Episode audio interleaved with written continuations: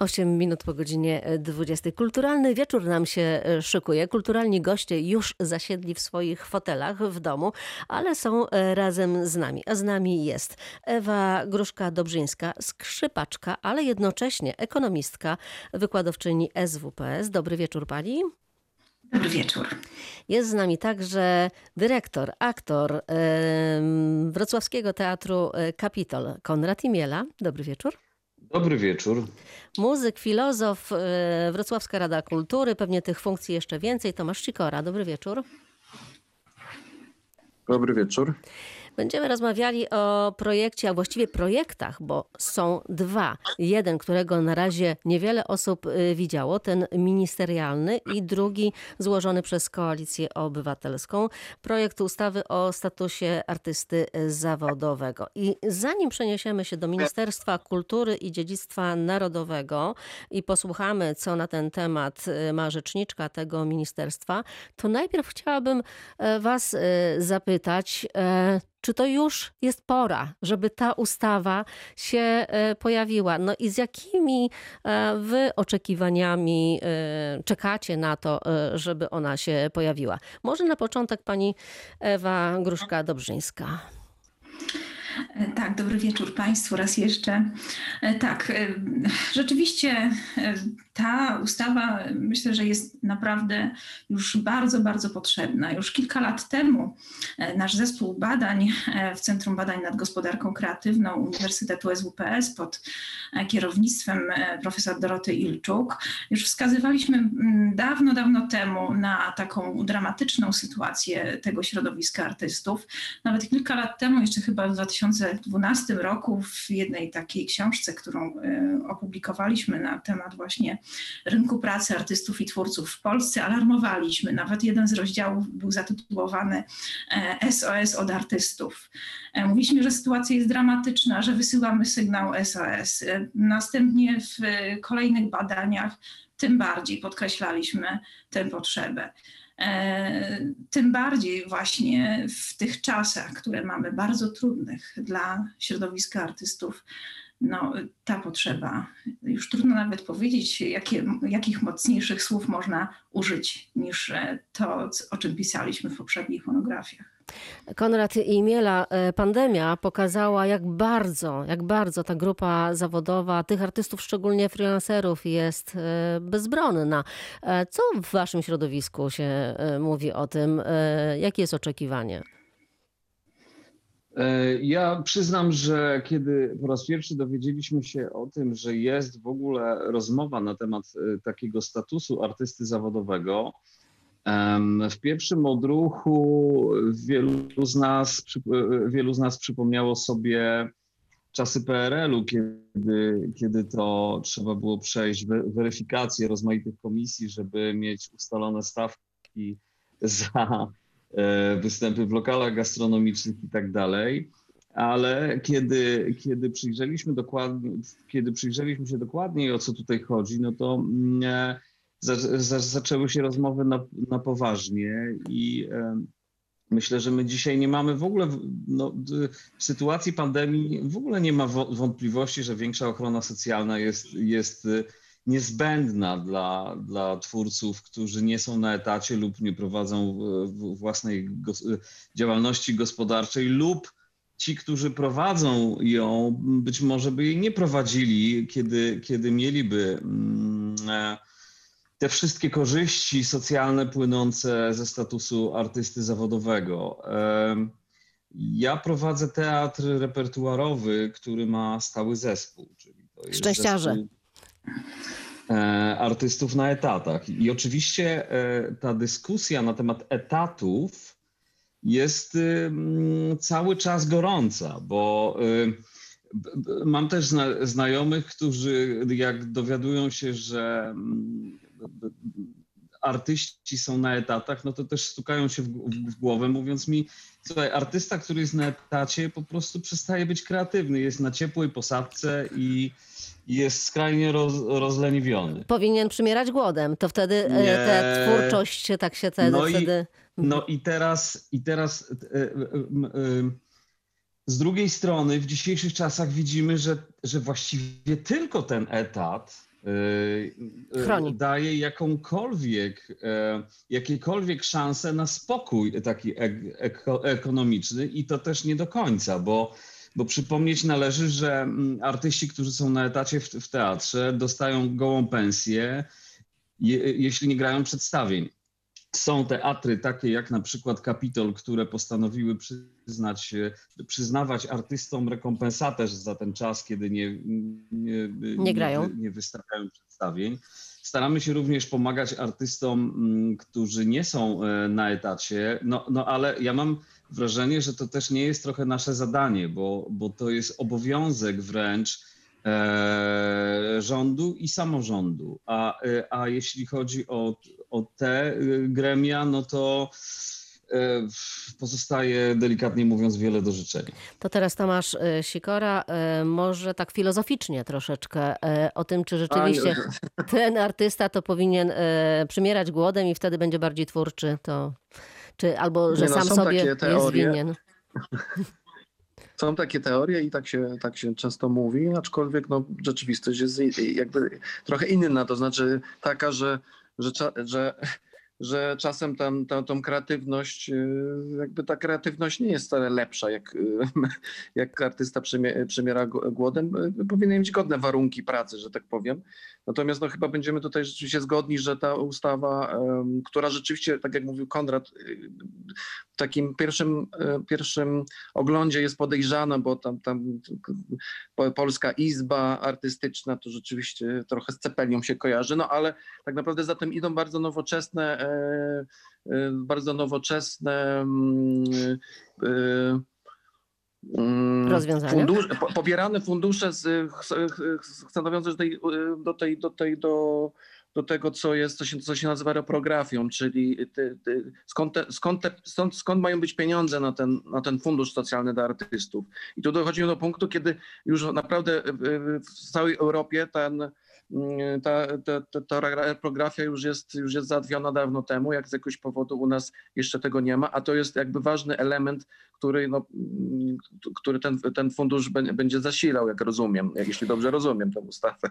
O tym, o e, szczegółach tej, e, tych projektów e, za chwilę więcej. Jeszcze panią Ewę zapytałabym właśnie, co ma dać tak praktycznie, je, jeśli już przejdzie ta ustawa i, i wejdzie w życie dla artysty, który zostanie zweryfikowany i rzeczywiście jakieś gremium uzna, że to jest artysta zawodowy i należy mu się, to na co on będzie mógł liczyć tak naprawdę?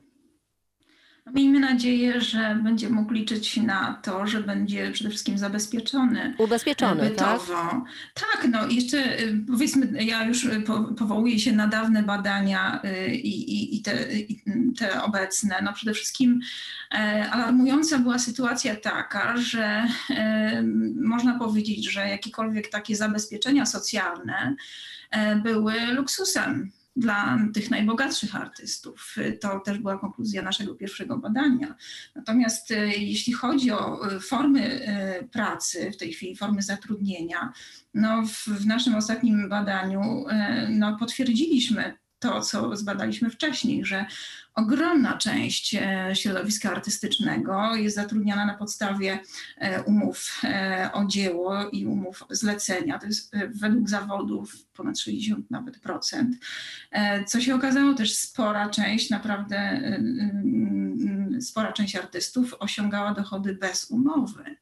Więc to zabezpieczenie socjalne jest naprawdę w tej chwili luksusem. No ale z drugiej strony I... też mówiło się, że no, skoro na przykład te stawki są wyższe w związku z tym, że to jest e, do kieszeni artysty trafia więcej, to mądry artysta sobie powinien sam odłożyć na jakiś fundusz, na jakieś ubezpieczenie, na jakieś e, e, no, no, no, no, na, na, na wypadek właśnie braku pracy jeżeli masz czego odkładać.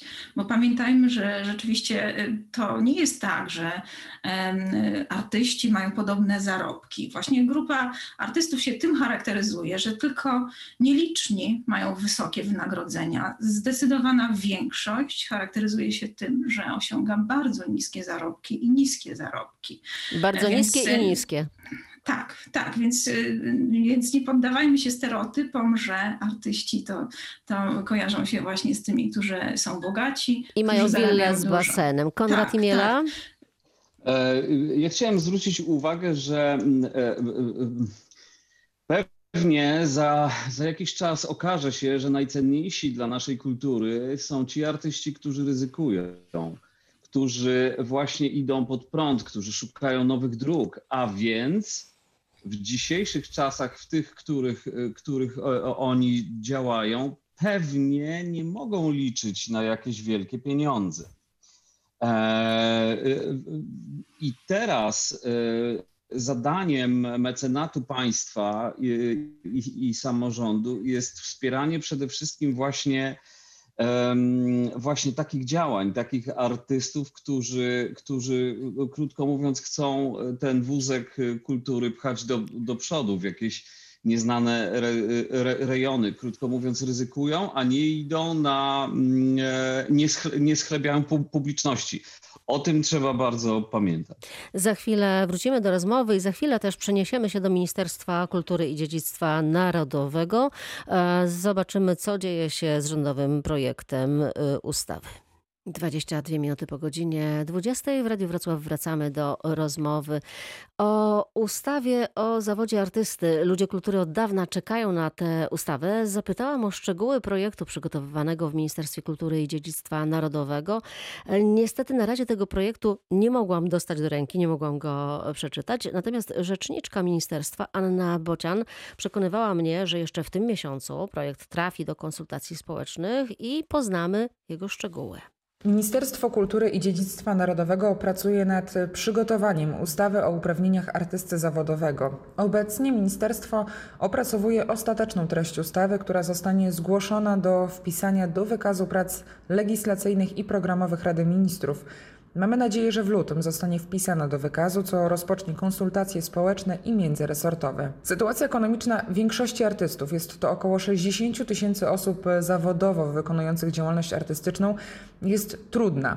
Około 60% ma przychody poniżej średniej krajowej lub sytuacja ta jest bardzo trudna. Około 30% osiąga średnie przychody poniżej minimalnego wynagrodzenia. E, Kierowany do nich system ubezpieczeń społecznych wymaga opłacania wyższych składek niż w przypadku osób prowadzących działalność gospodarczą. Identyczne składki bazowe, ale brak ulg na stark czy ulg e, kierowanych do mikroprzedsiębiorców. Jedynie mniej niż e, niespełna 14% tej grupy zawodowej pozostaje w stosunku pracy. Duża część artystów nie jest w ogóle ubezpieczona, jest ubezpieczona poprzez e, pracodawcę członka rodziny lub uczestniczy w patologicznych rozwiązaniach z zakresu szarej strefy, czyli na przykład poprzez mm, zawieranie fikcyjnych umów. Artyści nie powinni żyć dłużej poza systemem ubezpieczeń społecznych, nie chcą pracować na czarno, chcą regularnie opłacać składki i mieć możliwość skorzystania m.in. z państwowej opieki medycznej. Projekt ustawy o uprawnieniach artysty zawodowego cywilizuje warunki pracy artystycznej, zapewniając najsłabiej zarabiającym twórcom minimum bezpieczeństwa socjalnego w postaci dostępu do ubezpieczeń społecznych i zdrowotnych. Zgodnie z projektem ustawy, każdej osobie profesjonalnie wykonującej działalność artystyczną z urzędu przysługują pewne uprawnienia. Jednak, aby z nich skorzystać, konieczne będzie ich potwierdzenie. Potwierdzenie uprawnień nie jest obowiązkowe i oczywiście nie warunkuje możliwości, form i zakresu uprawiania twórczości artystycznej. Pozwala natomiast na uzyskanie wsparcia w okresach braku lub znacznego obniżenia dochodów. Najważniejsze zapisy ustawy dotyczą procedury potwierdzania uprawnień artysty zawodowego oraz y, określania uprawnień, które będą przysługiwać artystom zawodowym. Projektowana ustawa o uprawnieniach artysty zawodowego przewiduje powołanie Polskiej Izby Artystów. Ewentualne utworzenie tej izby będzie możliwe po zakończeniu procesu legislacyjnego i podpisaniu ustawy przez prezydenta Rzeczypospolitej Polskiej. No to tyle e, rzeczniczka Ministerstwa Kultury i Dziedzictwa Narodowego Anna Bocian, a my wracamy teraz do rozmowy z naszymi gośćmi. Przypominam, Ewa Gruszka-Dobrzyńska, ekonomistka, skrzypaczka, artystka, Konrad Imiela, aktor i dyrektor Teatru Kapitol i Tomasz Sikora, e, muzyk, e, Wrocławska Rada Kultury. Z tego, co mówi y, pani rzecznik, no to słychać, że jakby ministerstwo ma rozeznanie i widzi problem. Czy to wystarczy, żeby powstała dobra ustawa? Może zacznijmy od pani Ewy. E, Ja cieszę się, że mm, w tej chwili e, mamy takie zainteresowanie tym problemem, bo e, rzeczywiście przez, przez wiele lat ym, no, pomijano w debacie publicznej problem właśnie problem e, specyfiki rynku pracy artystów i sytuacji artystów w Polsce, mimo usilnych prób środowiska zwrócenia na nią uwagi. Na przykład e, mieliśmy chociażby protest artystów Dzień Bez Sztuki w 2012 roku. E, Przez, przez wiele lat rzeczywiście e, problem, e, tak jak powiedziałam, był pomijany, więc e, może cieszyć dzisiaj ta sytuacja, że, e, że mamy debatę na ten temat, że są dyskusje, że się coś dzieje. Bardzo dobrze. Konrad Imiela, czy ty masz takie poczucie, że ministerstwo czuje, rozumie, widzi i wie już wszystko? Bo tam y, te przygotowania y, projektu y, poprzedzała y, długa debata społeczna, taka w środowisku ludzi kultury. Czy ten głos ludzi kultury y, gdzieś tam się przebił? E, Nie wiem tego. E, Myślę, że to wszystko mocno wyhamował COVID. Natomiast mam poważne wątpliwości co do tego, czy ministerstwo czuje, e, e, co jest potrzebne ludziom kultury, bo e, przypominam, że właściwie nie ma żadnego w tej chwili programu, który by, pro, programu fi, finansowego, który by wspierał artystów, tak zwanych freelancerów, artystów niezatrudnionych na, na, na etatach. Wczoraj wprawdzie został No. rozstrzygnięty konkurs na stypendia e, ministerialne, ale z tego co wiem, to e, przyznano 400 stypendiów, a zgłosiło się 4000 osób. Nie, nie, no ja, ja mówię o jakimś systemowym wsparciu dla, dla, y, dla artystów, którzy zo, zostali bez, bez pracy. No. Nie, nie mówię o konkursach grantowych y, y, i, i tego typu dzieł. Tak, ale taka codzienność to więc- są konkursy, konkursy o życie, e, tak, e, tak naprawdę, które e, artyści właśnie głównie siedzą i piszą. Ja, ja w, w ogóle e, e, e, też e, obserwując e, to, co się dzieje gdzieś tam w debacie publicznej, myślę sobie, że dużą rolą mediów, zresztą nas wszystkich, jest to, ha, żeby, żeby we właściwy sposób komunikować to, po co w, ogóle są Po co jest artyści. artysta? Em, bo to bardzo łatwo sprowadzić rolę artysty w społeczeństwie do jakiegoś takiego zabawiacza e, e, tłumów, e, Który bez którego można by się obejść.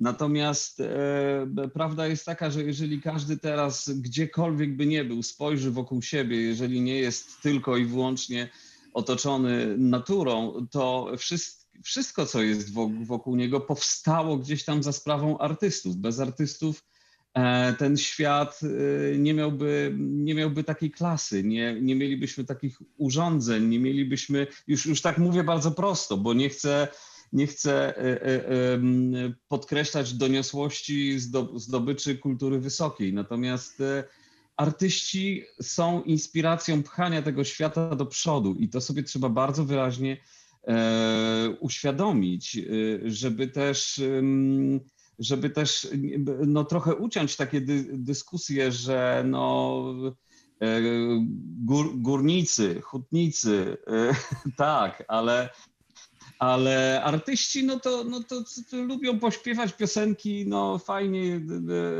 przyje, przy, przyjemnie im się to robi, a, a tak to by się, by się wzięli za jakąś porządną ro, robotę.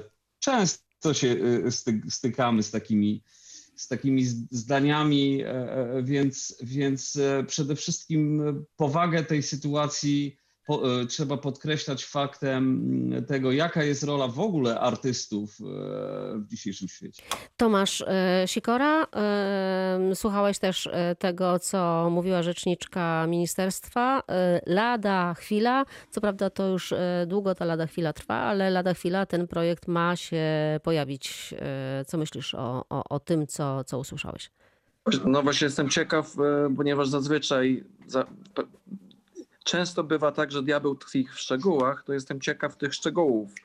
E, Co tam na przykład e, kryteria, k- kim jest artysta zawodowy i no wiemy jakby obecnie, oprócz tego, że są szkoły artystyczne, które no, wychowują artystów, no to wielu artystów we współczesnym świecie to są artyści niewykształceni w żadnych szkołach, ale są artystami, znaczy uprawiają, są kreatywni, uprawiają y, sztukę i, i, tak dalej.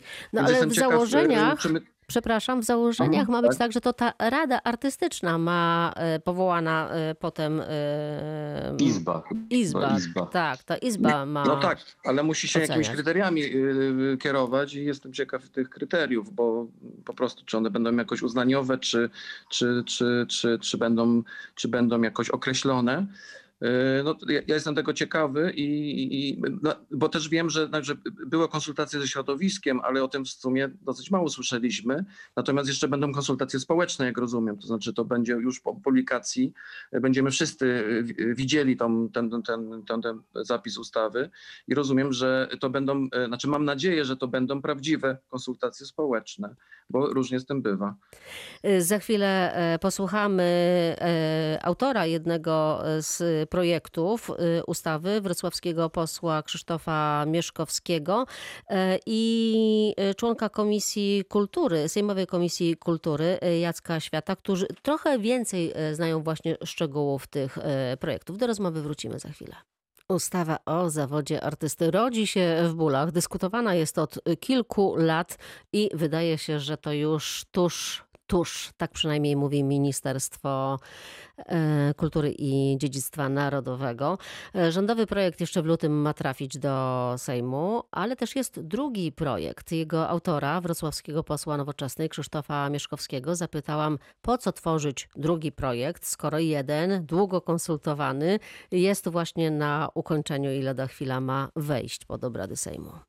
Ta lada chwila trwa już 3 lata, a właściwie można powiedzieć, że od 1989 roku wszystkie rządy po kolei po prostu zaniedbały polskich artystów, czego nie można powiedzieć o, o demokracjach zachodnich. We Francji, Niemczech e, czy w Hiszpanii e, artyści mają podstawowe ubezpieczenie, w Polsce nie. I premier Gliński w jakimś momencie ogłosił, że nad taką ustawą pracuje, ale oni ciągle pracują nad tą ustawą. Ja natomiast w 2012 roku pominąłem się o spójny system finansowania kultury, który do dzisiaj jest niezrealizowany i on jest bardzo y, potrzebny polskiej kulturze, ale przede wszystkim polskim artystkom i artystom. Projekt mojej ustawy znacznie różni się od tego, co proponuje Ministerstwo Kultury i on y, powinien być albo uzupełnieniem, albo powinien być materiałem głównym, wobec którego powinno ministerstwo się odnieść. Właśnie, ale jakie są te różnice? Te różnice są zasadnicze. Ministerstwo Kultury chce e, ubezpieczenia, renty zdrowotne, emerytury wypłacać z opłaty reprograficznej. E, która rocznie wynosi 6,5 miliona złotych, więc to są pieniądze żadne tak naprawdę. W związku z tym w mojej ustawie jest prosta droga, mianowicie finansujemy emerytury artystkom i artystom z budżetu państwa. To jest kwota na poziomie około 250-300 milionów złotych. Jeżeli księża mogą mieć emerytury e, na poziomie 1500 czy 1800 złotych miesięcznie, dlaczego artyści tego nie mogą mieć? Poza tym nasza ustawa jest bardzo ważna pod względem biurokratycznym. Ministerstwo Kultury w naszym projekcie ma minimalny wpływ na to, kto jest artystą, ponieważ podobnie jak w projekcie ministerialnym, również powołujemy Izbę Artystów. I ci, którzy będą decydować o tym, kto jest artystą, a kto nie jest, reprezentują środowisko artystyczne, a nie Ministerstwo Kultury i urzędników ministerialnych. Słyszę w rozmowach z parlamentarzystami, że ten pana projekt jest wtórny wobec tego projektu przygotowywanego przez Ministerstwo Kultury i mimo, że już jest namacalnie i jest już już e, w Sejmie, że po prostu nie ma szans na to, żeby się ktokolwiek nim zajął. Tutaj chodzi o dobro ludzi, o to, czy ludzie będą żyli godnie albo niegodnie.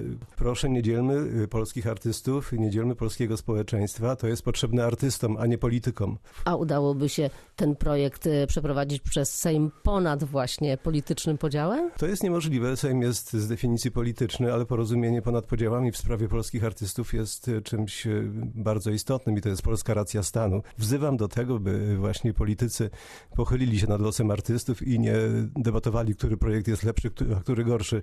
Mój projekt ma po prostu zmusić Ministerstwo Kultury i Dziedzictwa Narodowego do tego, żeby w końcu ten problem został rozstrzygnięty. A jak wejdzie ten projekt e, do Sejmu przygotowywany przez e, Ministerstwo Kultury, pan go odrzuca już z założenia? Nie, ja, nie, właśnie o to chodzi, że te dwa projekty powinny się spotkać i powinien się włączyć jeden sensowny projekt, który będzie dobrostanem Rzeczpospolitej artystycznej. Projekt projekt poselski y, został złożony w listopadzie. Czeka. Tego rządowego projektu jeszcze wprawdzie nie udało mi się y, zobaczyć, ale zna go wrocławski poseł PiS, y, członek Komisji Kultury, Jacek Świat. Różnica między naszym a poselskim projektem jest, jest w istocie niewielka. Projekt przedstawiony przez przedstawicieli opozycji to jest projekt ministerialny, tylko z kilkoma zmianami. Tam jest kwestia finansowania tych ewentualnych świadczeń, które miałyby się pojawić. Jeśli chodzi o finansowanie, projekt rządowy przewiduje, że będzie ono pochodzić z opłaty reprograficznej, a więc z opłaty od wszystkich nośników danych. To Ale tych wpływów tam jest nie za dużo z tej opłaty, do tej pory przynajmniej.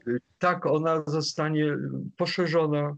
Taki jest plan. Także spokojnie tych pieniędzy wystarczy. Takie są przynajmniej y, założenia. No a jeśli chodzi o weryfikację, projekt rządowy zakłada, że będzie ona w ogromnym stopniu przerzucona na same środowiska twórcze, na organizacje twórcze, że będzie to proces bardzo transparentny z jednej strony, a z drugiej strony możliwie oddalony od jakiejkolwiek polityki czy związku z urzędami państwowymi. Przypomnę, że projekt przewiduje powołanie Polskiej Izby Artystów, czyli szerokiej reprezentacji twórców, którzy będą nadzorować ten, ten proces weryfikacji i również będą decydować o tym, kto będzie mógł dostać pomoc od 20 do 80% kosztów y, ubezpieczenia. W tej izbie, poza kilkoma przedstawicielami Ministerstwa Urzędów Centralnych, ogromną większość będą stanowić przedstawiciele twórców.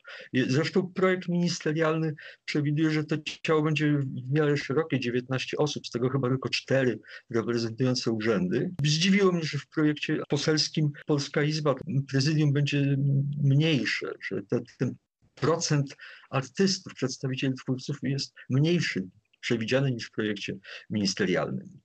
A w tym projekcie poselskim też tam jest mowa o tym, żeby te świadczenia były finansowane z budżetu państwa, że to byłoby bezpieczne. No dlaczego ma być wprost z budżetu? W pewnym sensie to i tak będzie, no bo opłata reprograficzna jest, no, można powiedzieć, takim parapodatkiem nałożonym na tych, którzy sprzedają nośniki danych, nośniki, z których korzysta się na przykład słuchając muzyki. No ale to jest ściągane od producentów, to nie jest ściągane od obywateli. Więc tutaj ze ściągalnością nie powinno być żadnego Panie pośle, jak pan przewiduje w Sejmie, to przejdzie szybko, czy też znowu będzie wielka narodowa awantura? Znaczy, ja mam nadzieję, że przejdzie szybko, bo, bo ten projekt jest wydyskutowany bardzo rzetelnie z przedstawicielami strony społecznej i generalnie jest zgoda, że on jest bardzo potrzebny, choć oczywiście spieramy się o, o szczegóły. Nie wykluczam, że oba projekty po prostu trafią razem do komisji i że Komisja Kultury Środków Przekazu powoła podkomisję nadzwyczajną, żeby ten projekt możliwie szybko, sprawnie przeprocedować. Tyle parlamentarzyści, a my do rozmowy o ustawie o zawodzie artysty wrócimy za kilka minut. I wracamy do naszych e, gości. Przypominam, e, z nami są Ewa e, Gruszka-Dobrzyńska, skrzypaczka, ekonomistka, Konrad Imiela, dyrektor Teatru Kapitol we Wrocławiu i Tomasz Sikora z Wrocławskiej Rady Kultury. No i tak, pierwsza różnica, czy też spór, który może się pojawić, to oczywiście źródło finansowania. W tym poselskim projekcie mowa jest o finansowaniu z budżetu, w tym rządowym o finansowaniu z opłaty reprograficznej. Co Państwo o tym y, myślą? Ja myślę, że ciężko, y, znaczy jest ciężko to ocenić, bo trzeba by się wgryźć w szczegóły, jakie, jakie, faktycznie, e, e, jakie faktycznie sumy są potrzebne, e, a jakie sumy można mm, uzyskać z opłat reprograficznych. Natomiast. No, Koło 300 też... milionów potrzeba według wyliczeń nowoczesnej na to. E, no, no, tak, z drugiej strony pan poseł PiSu mówi, że ta opłata reprograficzna ma być zwiększona, no więc nie, nie znaczy, wiemy tego, e, ale. Mhm. Yy, bo właśnie to jest, to, to, to jest ten, przepraszam, że ci przerwałem Konrad, ale opłata reprograficzna w tym cały jest właśnie ten, ten szczegół ważny, że ma być rozszerzone o smartfony i tablety i o to jest w ogóle spór też, bo to, jest, to są już pokaźne środki. Na razie producenci i też trochę społeczeństwo nie jest na, na to gotowe, sądząc, że, że, że, że to będzie też podwyżka tych, tych nowoczesnych mediów. W każdym razie, no i tu, tu, tu nie wiem, jakie są wyliczenia ekonomistów, ale to zwiększy no budżet z tej opłaty po prostu. Bo w Niemczech te opłaty są, e, jakby dają ogromne, ogromne środki. W Polsce to jest jakieś 6,5 miliona z tego, co e, gdzieś udało mi się No bo nie ma e, właśnie smartfonów dowiedzieć. i tabletów objętych tam, Właśnie. tą opłatą po prostu. No to może ekonomistkę jeszcze zapytamy o te pieniądze, jak już jesteśmy przy finansowaniu. Oczywiście no, sądzę, że niezbędne jest wprowadzenie wreszcie i w Polsce tej opłaty reprograficznej. Tak? Więc e, na pewno to stanowi e, spore źródło e, możliwego finansowania, więc, więc zapewne no, należałoby tutaj zbadać, jakie są możliwości. Natomiast no, opłata reprograficzna przede wszystkim no, może być potężnym źródłem dochodów. No dobrze. I druga sprawa to jest sprawa tej weryfikacji. Tutaj też te projekty się nieco różnią, ale jak Państwo to widzą? Czy tutaj są jakieś zagrożenia właśnie? Już trochę mówiliśmy na ten temat, ale, ale czy właśnie ta... Znaczy tutaj, tutaj, są, tutaj są wielkie zagrożenia, bo no bo teraz zawsze jak jest jakaś komisja, która ma oceniać czyjeś kompetencje, no to już jest ślisko, a w sztuce e, te oceny są zwykle bardzo subiektywne. No dobrze, ale to E, podpowiedzmy coś, to w takim razie, ale jak? Jakoś trzeba zweryfikować, prawda? Tak, mieliśmy zresztą bardzo podobny problem w badaniach za każdym razem, prawda? Jeżeli, e, jeżeli e, badaliśmy artystki, artystów w Polsce, czy liczebność tego środowiska, no to trzeba zawsze jednak przyjąć jakieś kryteria e, i, i zdefiniować próbę, więc, więc trudno tutaj mówić o tym, że artystką czy artystą będzie ten, który się czuje artystą i artystą. Chodzi o to, żeby tutaj też rozdzielić pewne kwestie, tak jak staraliśmy się w naszym badaniu rozdzielić. Oddzielić przede wszystkim środowisko hobbystów, amatorów od y, tych, którzy rzeczywiście uprawiają zawód artysty. E, Tak jak powiedzieliśmy wcześniej, to, y, to jest rzeczywiście zawód. To jest poza tym, e, można powiedzieć, trzon sektora kreatywnego. Najważniejszy element e, tutaj to właśnie ludzie, którzy tworzą ten sektor kreatywny, który jest też potężnym, potężnym sektorem gospodarki. I, I też musimy w ten sposób e, te kwestie rozpatrywać. Natomiast bardzo często jednak jakoś stereotypowo y, podchodzi się do tego właśnie zawodu artysty. Pamiętajmy, że to jest rzeczywiście zawód. E, Przy pierwszych naszych badaniach mieliśmy też taką sytuację właśnie ustalając kryteria doboru próby. E, My akurat się kierowaliśmy tutaj badaniami, które przeprowadził wcześniej w Australii David Trosby E, i próbowaliśmy też te kryteria zastosować w Polsce, mianowicie co najmniej 50% przychodów z działalności twórczej w ostatnich pięciu latach, ale też oczywiście potwierdzenie dorobku, czy też wykształcenie, przynależność do e, związków twórczych, e, czy, czy jakieś nagrody artystyczne i tak dalej, i tak. Tu, są, tu jest bardzo wiele możliwości. Natomiast e, z- m, spotkaliśmy się z takim problemem, bo wcześniej badaliśmy dwa obszary, e, Bydgo- Bydgoszcz, i Warszawę. E, W ostatnim badaniu już oczywiście całą Polskę, natomiast mieliśmy taką sytuację z problemu z dobrem próby, w, na przykład w środowisku literatów. Założyliśmy 50%, tak jak to było w Australii, podobnie w tych badaniach, a okazało się, że nie mogliśmy e, tutaj znaleźć próby w środowisku literatów, poetów i pisarzy, którzy osiągają ten e, właśnie przychód z działalności twórczej. Musieliśmy obniżyć kryterium do 30%. E, I rzeczywiście to jest kłopot. Z kolei w tym ostatnim badaniu, które realizowaliśmy właśnie w Centrum Badań nad Gospodarką Kreatywną pod em, kierownictwem profesor Doroty Ilczuk, na zlecenie zresztą Narodowego Instytutu Fryderyka Chopina, e, przyjęliśmy początkowo też myśleliśmy, no tak, trzeba przyjąć jakieś kryteria.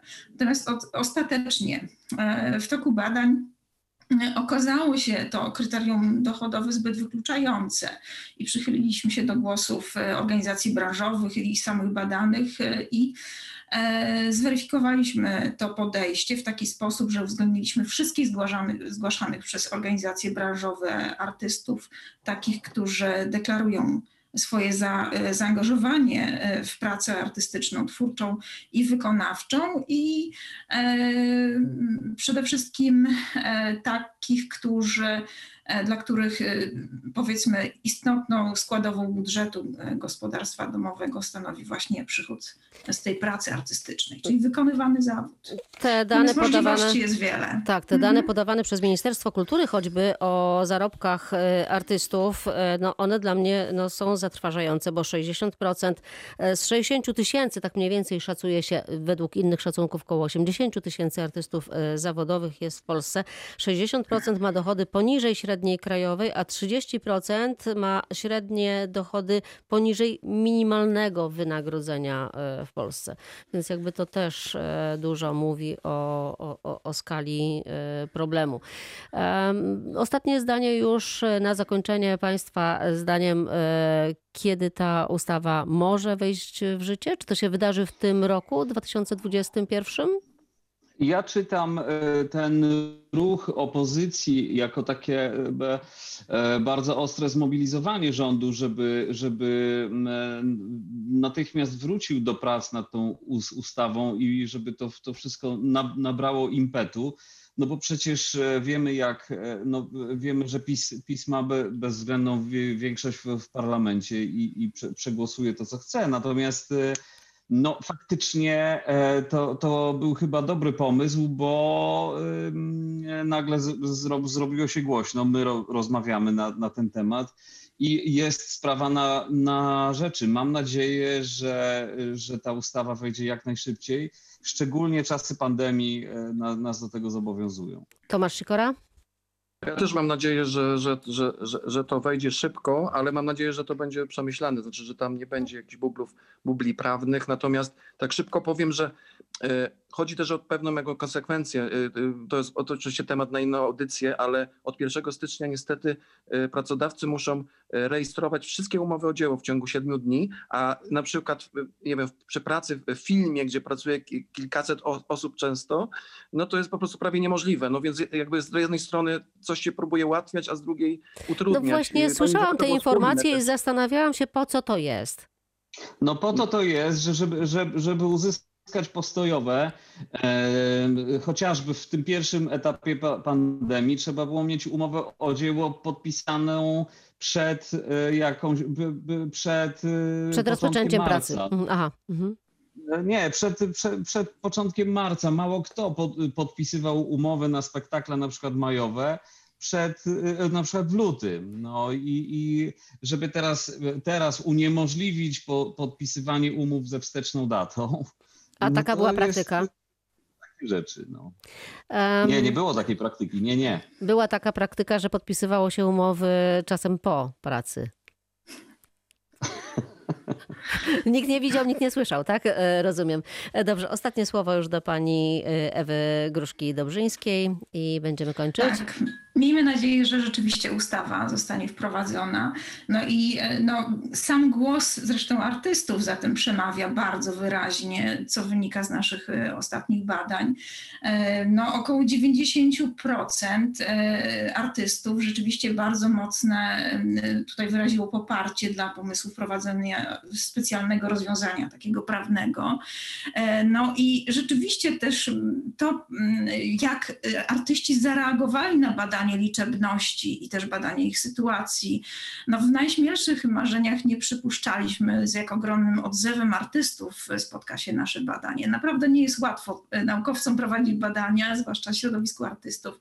Natomiast zdobyliśmy ogromne tutaj zaufanie i e, bardzo za to dziękujemy. I też myślę, że głos artystów tu jest bardzo Świetnie. wyraźny. Zmiany są naprawdę bardzo potrzebne. I jak tylko projekt, projekty e, trafią do Sejmu, posłowie będą o nich dyskutować. Na pewno my też będziemy o tym jeszcze rozmawiać. Najmocniej dziękuję za dzisiejszy program. E, Pani Ewa Gruszka-Dobrzyńska, skrzypaczka, e, Konrad Imiela, dyrektor Teatru Kapitol i Tomasz Sikora, Wrocławska Rada Kultury byli naszymi gośćmi. Dziękuję najmocniej. Do usłyszenia. bardzo. Dziękuję. Dziękujemy. Za chwilę w Radiu Wrocław e, wiadomości. Elżbieta Osowicz, ja już dziękuję za wspólny wieczór. Do usłyszenia.